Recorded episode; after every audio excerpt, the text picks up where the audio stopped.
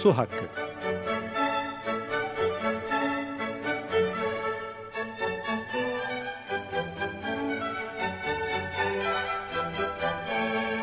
Kar için değil, yaşam için su.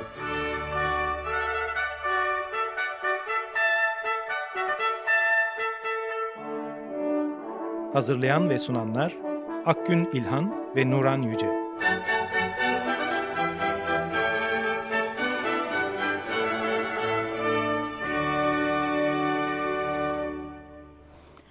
Su Hakkı'na hoş geldiniz. Ben Akgün İlhan. Bu hafta maalesef Nuran bizimle olamayacak. Nuran Yüce biraz rahatsızlandı kendisi. O yüzden programı tek başıma ben sunmaya çalışacağım. Bir konuğumuz olacak. Ee, konumuzla görüşmeden önce birazcık bu haftanın konusundan bahsetmek istiyorum. Daha sonra konumuza bağlanacağız. Şimdi geçtiğimiz hafta Gediz Deltası gündeme geldi ve e, şu başlıkla geldi satılık kamu malı diye.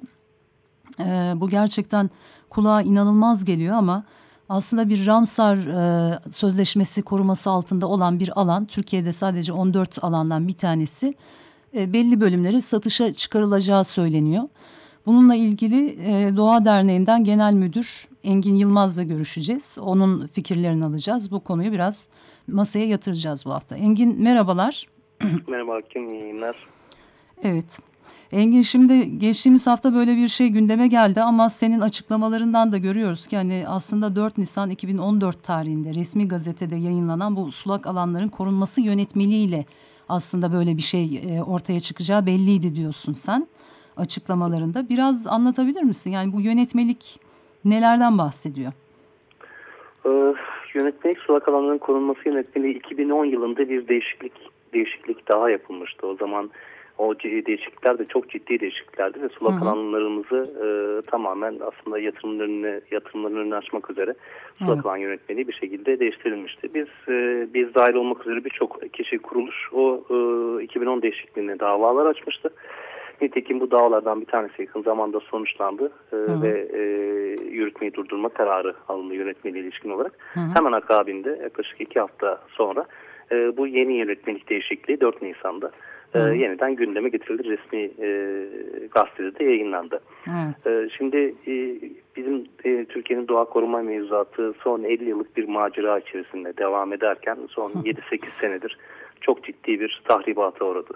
Evet. Aksine artırılması gerekirken koruma mevzuatımız daha da güçlendirilmesi, güçlendirilmesi gerekirken sulak alanlar yönetmeliği gibi birçok yönetmelikte yasada ee, orada burada şurada değişiklikler yapılarak e, bütün bu korunan alanlar e, yat, korunan alanlarda yatırımın önünün açılması hedeflenmişti.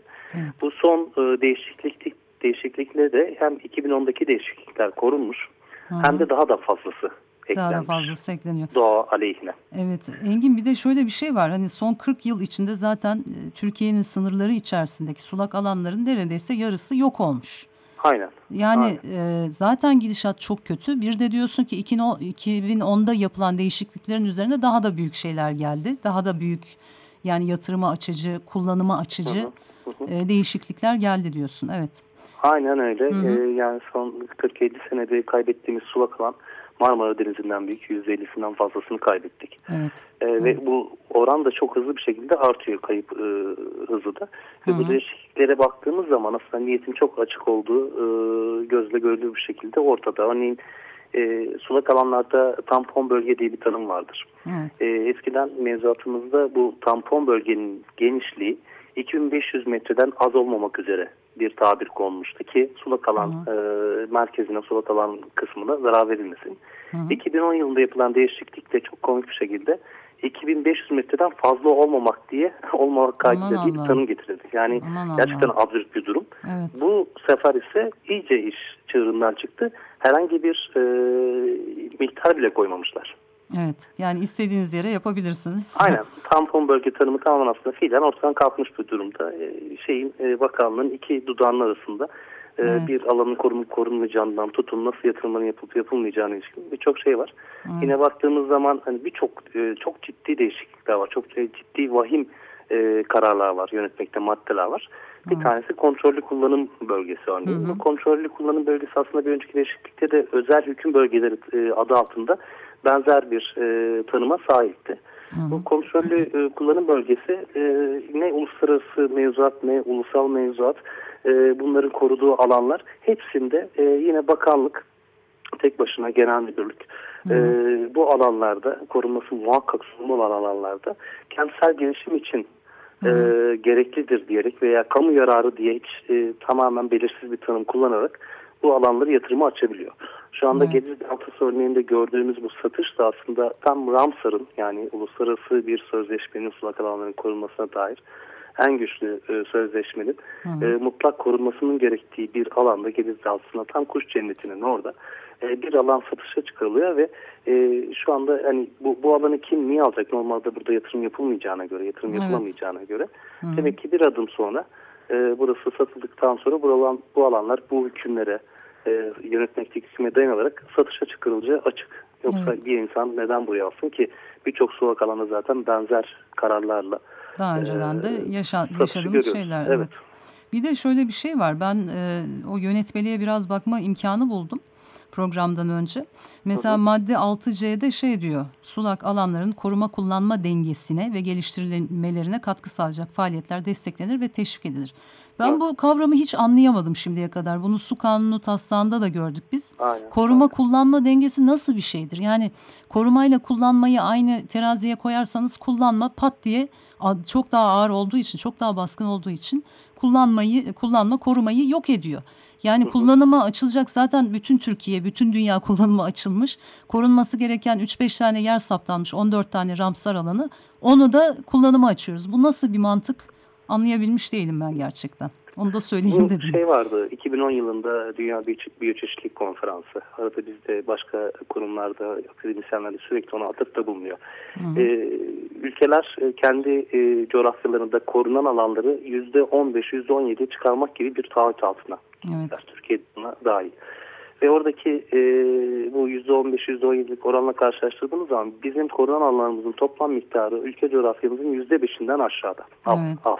Hmm. Ve biz hali hazırda bunu arttırmak bir yana bunların içerisinde böyle korunma kullanma dengeleri gibi ya da sürdürülebilirlik gibi içi boş kavramlarla bütün bu alanları nasıl yatırıma açabiliriz diye bir uğraş gayret içerisinde.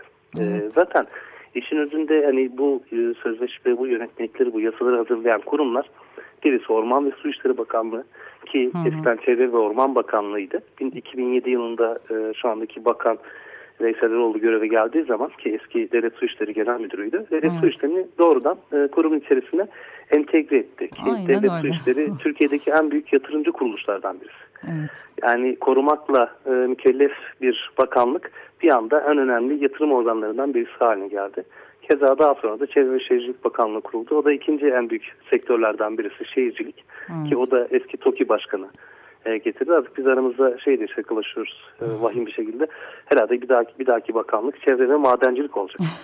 Çünkü yani yatırımların evet, açılması için nasıl bir meşruiyet yaratılacağı üzerine bir akıl görüyoruz. Evet. Ve dediğin gibi hani bu koruma kullanma dengesi olsun sürdürülebilirlik kavramlarının olsun bu kontrollü kullanım bölgesi bütün yönetmelik ve yasalarda aslında ne doğanın e, lehine olan hiçbir şey yok. Tamamen istisnalar yaratmak doğa hmm. üzerinde tahribatı yaratacak bütün projenin önünü açmak üzere bir işleyiş görünüyor. Evet, Biz aynen. Doğa Derneği olarak Ulusal Sulak Alan Komisyonu üyesiydik. Ee, yaklaşık bir buçuk sene oldu atılalı. Ulusal Sulak Alan Komisyonu'ndan atıldık. Çünkü Ulusal Sulak Alan Komisyonu'nun misyonu Türkiye'deki sulak alanların durumunun iyileştirilmesi ve ona yönelik kararlar alınması iken e, son 4-5 senedir e, her gündem maddesi neredeyse e, bir sulak alanda nasıl bir istisna yaratırız da evet, e, evet. yönetim e, yönetimini nasıl gerçekleştiririz de bir yatırımın önünü açarız şeklinde olmaya başlamıştı. Ve biz çok ciddi bir şekilde e, buna eleştirir, eleştirir, eleştirdiğimiz için ve kamuoyu nezdinde eleştirdiğimiz için e, sonunda zaten olan oldu. Biz çıkarıldık. Hatta toplantıya bile davet edilmemiştik. Biz iki ay sonra öğrendik. Evet, ama... E, yani şu anda bütün mevzuatımız darmaduman olmuş durumda. Evet, Ve aynen evet. dediğim gibi e, yapılan her değişiklikte e, çeşitli kavramlar, böyle ambalajlı kavramlar altında evet. bu sulak alanların yok olması yönünde. Hı hı. Yani bu koruma kullanma dengesi artık dünyada çok duyuluyor. İşte sürdürülebilirlik bu kavramların, bu yükselen kavramların böyle hiçbir şekilde içeriklerini gerçekten almadan kanunlara, Aynen. yönetmeliklere şey yapıyorlar, yamıyorlar ve diyorlar ki işte çok güzel biz daha modern hale getirdik yasalarımızı, yönetmeliklerimizi. Hı hı hı. Mesela bakıyorum işte madde 8.1 Bunda şey diyor su alımı ile ilgili madde. E, biz su hakkı kampanyası olarak tabii buna dikkatlice baktık. Yani burada söylenen şey şu Bölge müdürlüğünün işte Ramsar alanlarında genel müdürlüğün mahalle öneme haiz sulak alanlarda ise bölge müdürlüğünün uygun görüş alınarak buradan sulak alanlardan su çekilebilir diyor. Yetmiyor kum alınabilir diyor. Yine hep uygun görüşten bahsetmiş. Bölge müdürlüğünün uygun görüş. Turba çıkarılması yine onunla ilgili. Bunların hepsinin normalde yasak olması gerekiyor değil mi Engin? Tabii tabii tabii. Yani. Ya bir de bu artık e, şey yani bir de çok popüler kavramlardan birisi ki bence aslında içi doldurulsa çok da işlevsel olacak bir şey. Evet, Katılımcılık. Evet.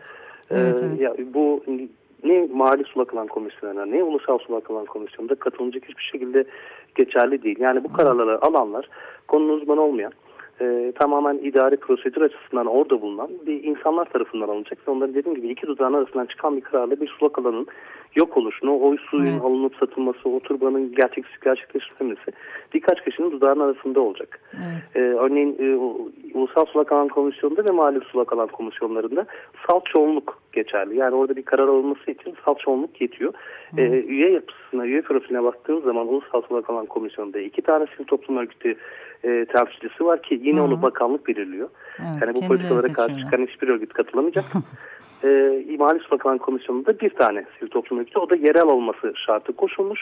Buna ne demek? Hmm. Ulusal düzeyde su e, haklarının korunması için, suyun hakkının korunması için mücadele eden ulusal düzeydeki sivil toplum örgütlerinin de yerelde bu süreçlere taş koymaması için uzak tutulması.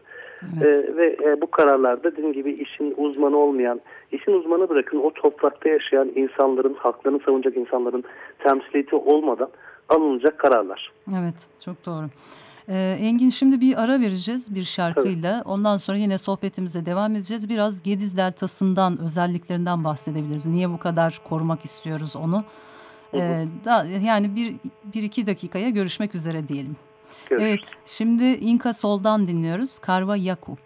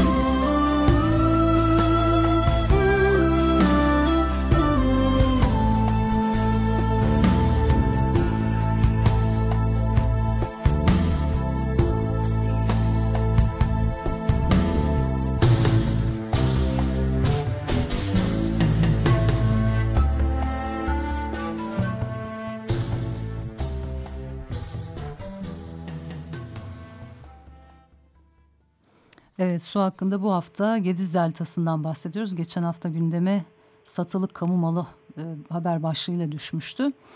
E, yani bunun arkasında yatan kanundan bahsediyorduk. E, konumuzda Doğa Derneği Genel Müdürü Engin Yılmaz.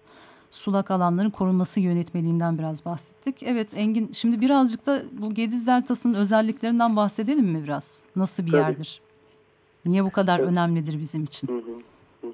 E aslında bütün sulak alanlar önemlidir. E, evet. Biyoçeşitlik açısından e, dünyanın en bereketli alanları, dünya üzerindeki yaşamı mümkün kılan en zengin alanlar diyebiliriz. Su -hı. zaten e, dünyadaki yaşamı mümkün kılıyor.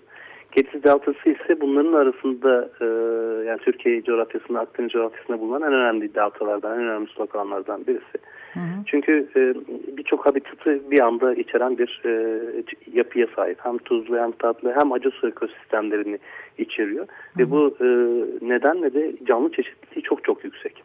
E, sadece kuş türü olarak 289 tane, 89 tane farklı kuş türü kaydedilmiş e, bu deltada. Ki 8 tanesi bunların küresel ölçekte nesli tehlike altında olan türler. Hı hı. Tepeli pelikan gibi. E, diğer yandan 300'den fazla bitki türü var ki bunun içerisinde endemik türler de birçok endemik tür de mevcut. Yani sadece e, bu coğrafyada yaşayan türler. Yani bu, bunlar yok olursa tüm dünya üzerinden yok oluyor e, anlamına geliyor. E, bu e, biyoçeşitlilik açısından taşıdığı zenginlik sebebiyle de e, Uluslararası Sulak Alanlar Sözleşmesi yani Ramsar Sözleşmesi kapsamında korumaya alınmış, Ramsar statüsüyle korumaya alınmış 14 tane sulak alanımızdan da bir tanesi. Evet. Ee, sadece Ramsar değil, Ben Sözleşmesi gibi veya ulusal mevzuat içerisinde birinci derece doğal sit alan ilan edilmesi, sulak alan olarak kabul edilmesi gibi birçok e, koruma mevzuatı e, kapsamında ele alınıyor. Bir Hı. yandan da arkeolojik anlamda da arkeolojik sit olarak da bir değer taşıyor. Çünkü Hı. dediğimiz gibi bu sulak alanlar taşıdıkları bereketlerle e, kendi coğrafyalarında medeniyetlere de ev sahipliği yap yapıyor ve evet. e, Yediz Daltısı da bu tür kalıntılara, bu tür arkeolojik sitlere de sahip. E, evet. Böyle bir coğrafyadan bahsediyoruz. E, Doğa Derneği son 11-12 senedir Gediz Deltası'nın korunması için, Gediz Deltası'nda bilimsel araştırmalar yapmak için e, faaliyetler yürütüyor orada. E, Delta zaten hani çok ciddi e, tehditlerle zaten karşılaşmış durumda ve evet. e, ciddi anlamda restorasyona, koruma çalışmalarına ihtiyaç duyuluyor. Hmm. Bir yandan bunlar duyulurken bir yandan da çok ciddi tehditlerle, kentleşme tehditleriyle özellikle yani evet. kentleşmeye yönelik yatırım tehditleriyle sürekli hmm. olarak da gündeme geliyor. Evet. Ee, önemli doğal alanla bir çalışmamız var biliyorsunuz Akgün. Hı hı. Türkiye'de en önemli korunması gereken biyoçeşitlik alanların belirlendiği 305 tane önemli doğal alanımız var. Evet. Bilimsel bir metodolojiyle belirleniyor bunlar. Ve bunları yaparken biz bir yandan da tehdit analizi yapıyoruz. Her evet. önemli doğal alanında e, nasıl bir tehdit var? Bu evet. da bilimsel bir metodolojiye göre, belli skalalara göre gerçekleşiyor ve sonunda da bu 305'i topladığımız zaman, hepsinin üzerindeki tehditlere baktığımız zaman Türkiye'nin genel olarak doğası üzerindeki tehditlere ulaşıyoruz. En, en öne çıkan iki tehdit e, su politikaları ile ilgili. Evet. Enerji, tarım ama su e, suyun bütünselliği üzerine, su döngüsü üzerine yapılan müdahalelerle. Hı. Diğer e, ondan sonra gelen iki tehdit de doğrudan yatırımlarla, kentleşme, kentleşme turizm başta, vesaire. Evet. Yani bu iki tane büyük tehdit grubu diyelim. Evet. E, ikisi de şu anda Doğu Azer'in en önemli tehditler. Bir yandan Hasankeyf'te, e, İç Anadolu'da, Konya Adası'nda, Burdur'da bu e, su e, politikaları sebebiyle yaşadığımız tehditler varken Gediz da yatırım politikalarıyla, kentleşme politikalarıyla yok evet. olan alanlarımızda çok iyi bir örnek. Evet mesela şeyi e, bu konuyla ilgili bilgi sahibi oldum. Çiğli Atık Su Arıtma Tesisinden 600 ton atık çamur her gün Gediz Deltası'na her bırakılıyormuş. Yani bu nasıl bir şeydir anlayamıyorum. Bu kadar böyle korunması, göz bebeği gibi bakılması gereken bir yer. Oraya çamuru bırakıyorsunuz. Yani bir yerde bir şeyi düzeltirken diğer yerde böyle gözünü çıkarmak gerçekten e, akıl alır gibi bir şey değil yani. Çok yanlış politikalar senin de dediğin gibi. Evet. Bir yandan da kullanılan dil çok ilginç. E, bütün bunlar yapılırken hep e, çevreyi koruyoruz, e, doğayı koruyoruz gibi tabii, bir tabii. argümanla gerçekleştiriyor. Örneğin e, Çiğli Atık Su Arıtma Merkezi gibi büyük körfez projesi var ve e, İzmir'in e, canına can kaçacak gibi e, argümanlarla böyle ambalajlı reklam sözleriyle e, e, iletişimi yapılıyor. Ve fakat Delta'nın güney kısmını neredeyse tamamen yok etme e, potansiyeline sahip projeler bunlar. Evet. E, hani onları da e, Delta'nın tam da e, mutlak koruma zonunun dışında olduğu için e, yine mücadele olarak daha da zorlandığımız yerlerken şimdi olan ise tam da mutlak koruma alanının içerisinde hiç akla hayale hmm. gelmeyecek yerde tam da işin yani Delta'nın kalbinde bir alan evet. koca bir alan e, satışa çıkarılıyor. Evet yani bu nasıl e, bu satışla ilgili yani hedeflerinde kim var acaba çok merak ediyorum. Kime satmayı planlıyorlar bunu? Senin bir fikrin var mı? Ya açıkçası çok, bu bilgileri çoğunlukla bizden saklanıyor zaten. Tabii. Bu bilgilere ulaşmak, Şeffaflık e, diye bir, bir şey yok gerçekten zaten. Evet. neler döndüğünü öğrenmek gerçek bir macera. Evet. E, bilgi paylaşımı açısından, e, bilgi erişim açısından zaten çok sıkıntılı bir dönemden geçiyoruz. Evet. Hani çok yani bu bilgiye hayır değiliz. Bu burası hakkında gelecek tahilleri kim tarafından nasıl bir yatırım yapılacak. Ee, o kısma hayır değiliz ama bir ilginç olan bir şey daha var. Bu sulak alanlar yönetmeninde yapılan değişiklikte. Ee, sulak alanlarda artık bundan sonra e, bizim gibi e, bağımsız sivil toplum e, otoriteleri tarafından, uzmanları, akademisyenleri tarafından araştırma yapmak izne tabi oldu. Hmm. Kimden alacağız izni peki? Bunu da tabii ki bu yatırımları gerçekleştiren bakanlıklarda evet. olacağız. Orman, Orman ve, Su İşleri başta olmak yani, üzere. Anayasal evet. bir hakkımız olan bilim hürriyeti Evet. E, bu şekilde engellenmiş oluyor. Eğer e, bu politikaları desteklemiyorsanız, bu politikaları eleştiriyorsanız ve o sulak alanlardaki yatırımlara şahit olup bunu kamuoyuyla paylaşma e, gibi bir riski e, risk taşıyorsanız bu izinler size verilmeyecek demek. Onu evet. da geçtik. E, bu sulak alanların korunmasındaki, doğan, Türkiye'de doğanın korunmasındaki en önemli e, kitlelerden bir tanesi kuş gözlemcileri. Evet. Çünkü bu evet. coğrafyayı ziyaret ettikleri için bu coğrafyalarda neler e, gerçekleştirdiğini, gerçekleştiğini bizzat Hı. gözlemliyorlar. Kuş gözlem bile, kuş gözlemi bile artık izne tabi hale getirilmiş oldu. Aa, çok gerçekten korkunç bir gelişme bu.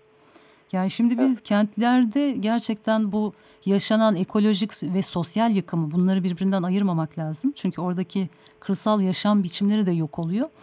Bu yaşanan yıkımı gerçekten hani görmüyoruz. Mesela kuraklık meselesinde de öyle. Kuraklık oldu. Ne zaman gündeme gelmeye başladı? Barajlardaki su seviyesi aşağıya inince. Bir anda böyle e, bu konu medyanın gündemine oturdu.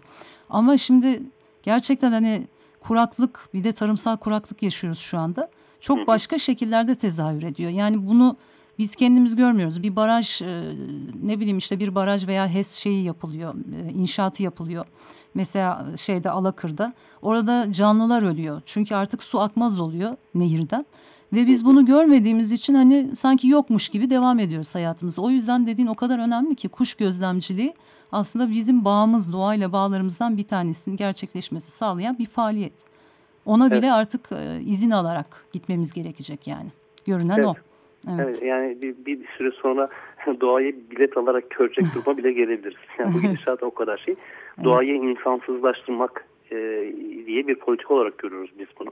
Tabii, Aynen tabii. dediğim gibi şehirdeki Hı. yaşam biçimi, şehirde e, yaşadığımız sorunlar aslında kırsalda da doğal alanlarla doğrudan alakalı. Örneğin Hı. hani bu, bu programın konusu değil belki ama İstanbul'da şu anda gerçekleşen mega projeler. Üçüncü köprüden evet. tutun büyük evet, evet. üçüncü havalimanına büyük kanal projesinin aslında biz o tehditlere baktığımız zaman daha ziyade daha ziyade değil mi? Aynı zamanda şeyi de düşünüyoruz. Bu projeler Anadolu'nun kırsalının yok edilmesi, doğayla daha uyumlu bir yaşam pratiği içerisinde olan insanların topraklarının topraklarını terk ederek bu büyük şehirlere göç etmesinin hızlandırılması olarak da bakıyoruz. Bu kültürün de yok edilmesi tabii aynı zamanda bu tabii, kültürlerin. Tabii, evet. Tabii. Şu anda Gediz'de aslında yaptığımız çalışmalardan bir tanesi Gediz aslında doğayla uyumlu e, üretim teknikleri üzerine e, çalışıyoruz, onları araştırıyoruz. Hı hı. E, örneğin balıkçılık, sepetçilik e, buna hı. benzer. Hali hazırda toprağı olan, orası olan, yüzyıllarca yıldır orada yaşayan insanlar e, ve doğayla çok daha uyumlu bir üretim tekniği içerisinde, o doğayı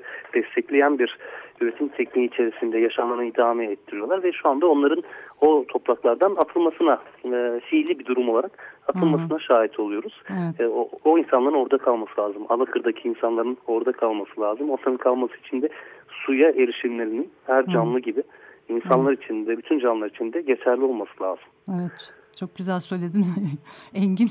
Teşekkür ederiz programımıza katıldığın için. Maalesef süremiz doldu. Yoksa daha saatlerce konuşabiliriz bu konudan. Çünkü o kadar fazla sulak alan e, ve doğa alanı var ki tehdit altında olan ve yeni yönetmeliklerle, kanunlarla, hukuksal metinlerle bunun önü daha da açılıyor maalesef.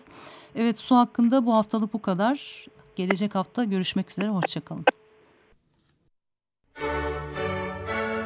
Su hakkı.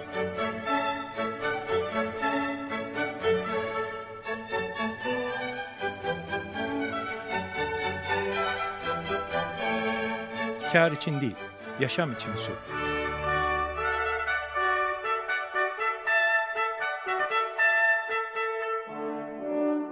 Hazırlayan ve sunanlar Akgün İlhan ve Nuran Yüce.